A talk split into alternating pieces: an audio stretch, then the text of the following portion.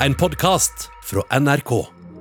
Onsdag 10. mars ble et lik funnet i skogen i Kent i England. Det var kroppen til Sarah Everards på 33. Dødsfallet satte sinnet i kok i England.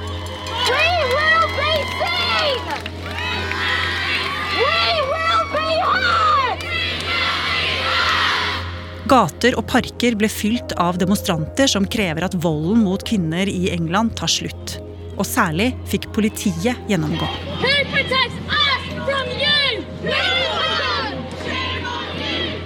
Hva var det som skjedde med Sarah som vekket så mye sinne? Og kan drapet virkelig endre noe i det engelske samfunnet, slik mange nå tror?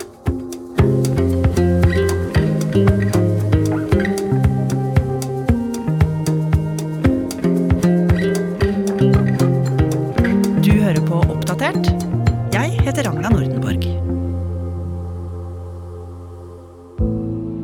Torsdag 4. mars plukket kjæresten til Sarah Everard opp telefonen og ringte til politiet. Han hadde prøvd å få tak i kjæresten sin uten å få det til, selv om de hadde en avtale om å møtes. Og nå var han veldig bekymra. Og Mariann Strand, du er jo journalist i NRK og har fulgt denne saken. Og hva var det egentlig han fortalte politiet? Det både han og familien syntes var så rart, var jo at det her var veldig ulikt Sarah. Hun var ikke en type person som bare kunne ha forsvunnet uten å gi lyd fra seg. Hun var veldig pliktoppfyllende, hun trivdes i jobben sin i markedsføring, og det var ingen tegn til at det var noe som var galt. Derfor så ble de veldig bekymra og frykta at eh, det hadde skjedd noe alvorlig. Og denne samtalen skal jo bli starten på et voldsomt raseri mot både det britiske samfunnet og politiet sjøl. Men det var det jo ingen som visste akkurat på dette tidspunktet. Nei, det var ingen som visste men det politiet gjorde, var jo det at de satte i gang en etterforskning. Og de danna seg da ganske fort et bilde av bevegelsene til Sarah den kvelden hun forsvant. Ja, Hva var det de fant ut? Dagen før hun ble meldt savna, altså den 3. mars, så var hun på besøk hjemme hos en venn i Clapham sør i London. Da klokka ble rundt ni på kvelden, så gjorde hun seg klar til å gå hjem. Hun går ut døra og setter kursen mot Brixton, der hun bodde. Og den turen den tar ca. 50 minutter å gå. Og på den strekningen så er det flere kamera som fanger opp bilder som politiet samler inn. De bildene viser at eh, Sarah går alene. At hun har på seg grønn regnjakke, en eh, mørkeblå bukse med hvitt mønster, ei hvit lue og fargerike joggesko. Men så er det en annen ting som de her bildene viser, og som gjør ganske sterkt inntrykk på meg og kanskje på mange andre. Ja, hva da? At det er noe veldig gjenkjennbart med den situasjonen. Fordi det virker som om Sarah tar alle forholdsregler, og hun gjør det samme som veldig mange andre kvinner gjør når de skal ut og gå sent om kvelden. Hun går langs en opplyst vei. Hun går der det vanligvis går mange andre folk. Og hun ringer noen. Hun snakker med kjæresten sin i nesten et kvarter. Og det er den samtalen hvor de avtaler å møtes dagen etter. Og så avslutter hun samtalen med kjæresten. Og etterforskerne kan jo se på overvåkingsbildene, som jo riktignok er veldig hakket og kornete, at hun fortsetter å gå aleine i flere minutter. Men klokka 9.35 så skjer det noe veldig interessant. Det som skjer, er at eh, det er et kamera på en buss som fanger opp to skikkelser. De står foran en hvit personbil som har varsellampene på. Den samme bilen blir fanga opp av et annet kamera, og da kan man se at begge frontdørene på bilen står åpen. Og Politiet syns at dette er veldig mistenkelig, og de bestemmer seg for å sjekke om det har noe med Sarah å gjøre. Og I tillegg til å følge det sporet, så ber de publikum om tips i saken. For nå hadde ikke Sarah vist seg på tre dager, og saken begynte å få mye oppmerksomhet. Det hang bilder av henne på savna-plakater på lyktestolper rundt omkring i byen, og mediene skrev også om forsvinningssaken. Ja, og veldig mange begynte å bli redd, fordi det gikk jo fortsatt en potensiell gjerningsperson eh, ut i gatene. Og det ble ikke noe bedre da politiet begynte å banke på dørene i nabolaget der Sarah bodde. Og ifølge The Guardian så skal de ha bedt flere kvinner om å holde seg inn etter at det ble mørkt. Og dette med å be kvinnene selv om å holde seg inne for å være trygge, det vekka jo veldig mange dårlige minner hos mange. For på 70-tallet da var det en mann som het Peter Sutcliffe, som overfalt og drepte tilfeldige kvinner på gata. Han har også fått tilnavnet The Yorkshire Ripper. Og Den gangen fikk kvinner nærmest portforbud fordi det rett og slett var for farlig å gå ut. Og Det dannet seg da en protestbevegelse som kalte seg Reclaim the Night, som kjempa for at kvinner skulle kunne gå ute om natta uten å bli utsatt for vold. Reclaim the night and win the day. We want the right that should be our own. Freedom Og hvert år etter dette så har man kunnet se kvinner protestere i gatene der de krever å få natta tilbake. Og man kunne jo også se da hvordan dette engasjementet fikk ny giv i forbindelse med Sarahs forsvinning. Ja, saken den begynner jo å ta opp på sosiale medier, og der er det mange som forteller om sine egne opplevelser av hvordan det er å gå ut alene om kvelden. Jeg skriver på Twitter at eh, alle dem hun kjenner som bor i Clapham, altså det området der Sarah forsvant, forteller at de er redde når de er ute og går om kvelden. Andre forteller at de deler posisjonen på mobilen sin til vennene sine når de er ute og går og er redd. Og mange forteller at de går med nøkler i hånda. Det er alle de små forholdsreglene som man tar for å klare å føle seg trygg om kvelden. Så denne saken begynte jo å bli større enn seg selv, på en måte. Med denne delingen av historier i sosiale medier. Men politiet kom jo etter hvert lenger i etterforskningen av saken. For de hadde jo fattet interesse for denne hvite bilen som hadde disse varsellampene på. Ja, ut fra overvåkingsbildene så klarte de å spore opp denne hvite bilen. De fant ut at den var leid i Kent, som ligger et godt stykke unna der Sarah forsvant. Og like etter så kom jo denne sjokknyheten. Officers arrested a serving Metropolitan Police officer at an address in Kent in connection with the disappearance of Sarah Everard. 9. mars, nesten en uke etter at Sarah forsvant, så sa politiet at de hadde pågrepet en av sine egne. De hadde rett og slett arrestert en 48 år gammel politimann fra Kent som het Wayne Cousins. Han hadde jobba i politiet i tre år og hadde hatt ansvar for å beskytte diplomater og ambassader i London. I tillegg til ham så pågrep de en ukjent dame i 30-åra for medvirkning. Og mye tyder på at Sarah bare var et tilfeldig offer.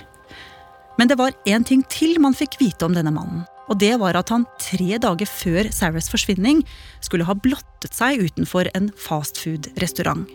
Saken ble rapportert, men han fikk likevel fortsette i jobben til tross for klagene. Og hva slags reaksjoner skapte det, Mariann, at det var en politimann som var arrestert? Det gjorde at veldig mange ble utrolig forbanna og fortvila. Fordi det her er jo en person som egentlig skal beskytte kvinner når de er ute og går alene om kvelden. Og at det nå var en politimann som var pågrepet, er jo utrolig sjokkerende. Og i tillegg så hadde jo politiet fortsatt ikke klart å finne Sarah. Men så ble familiens og kjærestens aller verste frykt bekrefta. This evening, detectives and search teams have found what appears to be human remains. Den 10. mars ble det funnet et lik i et skogsområde nær Ashford i Kent. Og da folk fikk vite om dette funnet, så vokste jo saken seg enda større. Og det var jo ikke bare i sosiale medier at eh, det var engasjement. Samme dag som Sarah ble funnet, så gikk Jess Phillips fra det britiske Arbeiderpartiet opp på talerstolen i det britiske parlamentet. We rule or oppose based on a count and we obsessively track that data. However, we don't currently count dead women. Og så begynte hun å lese opp en liste over alle kvinnene som har blitt drept av menn i Storbritannia det siste året. Since last year on this day, these are the women killed in the UK where a man has been convicted in the case. Venita Noel, Tracy Kidd, Og hun eh, brukte nesten fire og et halvt minutt på å komme seg gjennom denne lista. Og det aller siste navnet som ble nevnt, var Sarahs. Og Noen dager seinere ble det holdt en minnemarkering for Sarah i parken der hun sist ble sett. Og Mariann, det ble jo en veldig spesiell markering. Ja, det er noen fine dronebilder fra den dagen, hvor man kan se at folk begynner å strømme til parken og samle seg rundt en stor musikkpaviljong, hvor de legger ned blomster og tenner lys for Sarah. Og etter hvert så kan man jo se at det blir et blomsterhav. In some ways, it's a way of showing solidarity with each other, recognizing that there's a problem, and in other ways, it's also standing up to that problem and saying we've had enough, um, and we want our public spaces to be reclaimed for, for safety, for women to be safe. It just brought brought a sense of like who can we trust as a woman? Like you think that you can trust the police to protect you and always stand up for you, but it's just apparent that you know you can't. It just felt very isolating and alone. Og plutselig så dukker hertuginne Kate opp, eh, kona til prins William. Hun legger også ned blomster for Sarah, men hun sier ingenting. Det virker som hun er der i eget initiativ og ikke en eh, offisiell eh, sammenheng. Og ifølge kilder på Slottet så ønska hun å komme dit for å vise solidaritet, og også fordi at hun har sine egne opplevelser av å gå ut alene om kvelden i London før hun blir gift med prins William. Men så begynner jo stemningen å snu. Hva er det som skjer? De har jo egentlig ikke lov til å samles. Det er jo egentlig ikke lov at så mange skal samles på en gang. Eh, arrangørene fikk egentlig nei fra politiet, men eh, folk brydde seg ikke om det her, og de kom likevel til parken. Og utover kvelden så kom det jo flere og flere, og det gjorde at stemninga mellom dem som var der, og politiet ble amper.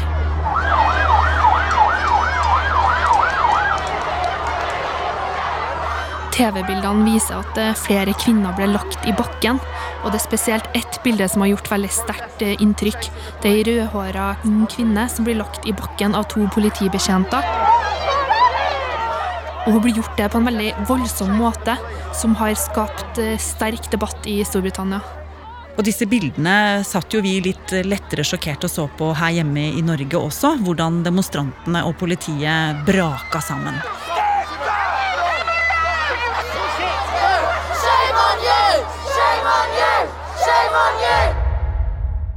Mariann, dette var jo egentlig bare begynnelsen på noe mye større. Ja, det her har ført til en stor debatt om vold mot kvinner i Storbritannia, og det er nå mange tema som diskuteres, annet voldtekt. Og grunnen til det er at stadig færre voldtektssaker havner i retten i England. Og mange har derfor slitt med tilliten til systemet, og denne saken har egentlig bare forsterka det problemet. Og nå begynner saken kanskje å få politiske konsekvenser også. For statsminister Boris Johnson sier at drapet og alt det som skjedde etterpå, har trigga en veldig forståelig reaksjon. Unless and until we have a change in our culture that acknowledges and understands that women currently do not feel they are being heard, we will not fix this problem. And that is what we must do. Han sier at de skal styrke lovverket når det gjelder vold mot kvinner, og sette inn sivilpoliti til å spane på utesteder og barer. I tillegg så skal de lyse opp veier på kveldstid i hele landet. Men likevel så er folk fly forbanna. Hvorfor det? Ja, Det er fordi at vi i 2021 fortsatt er i en situasjon der mange kvinner må beskytte seg sjøl når de er ute alene om kvelden.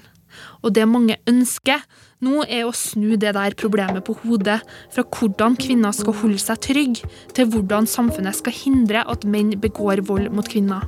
Og det, den debatten er nok ikke over med det første.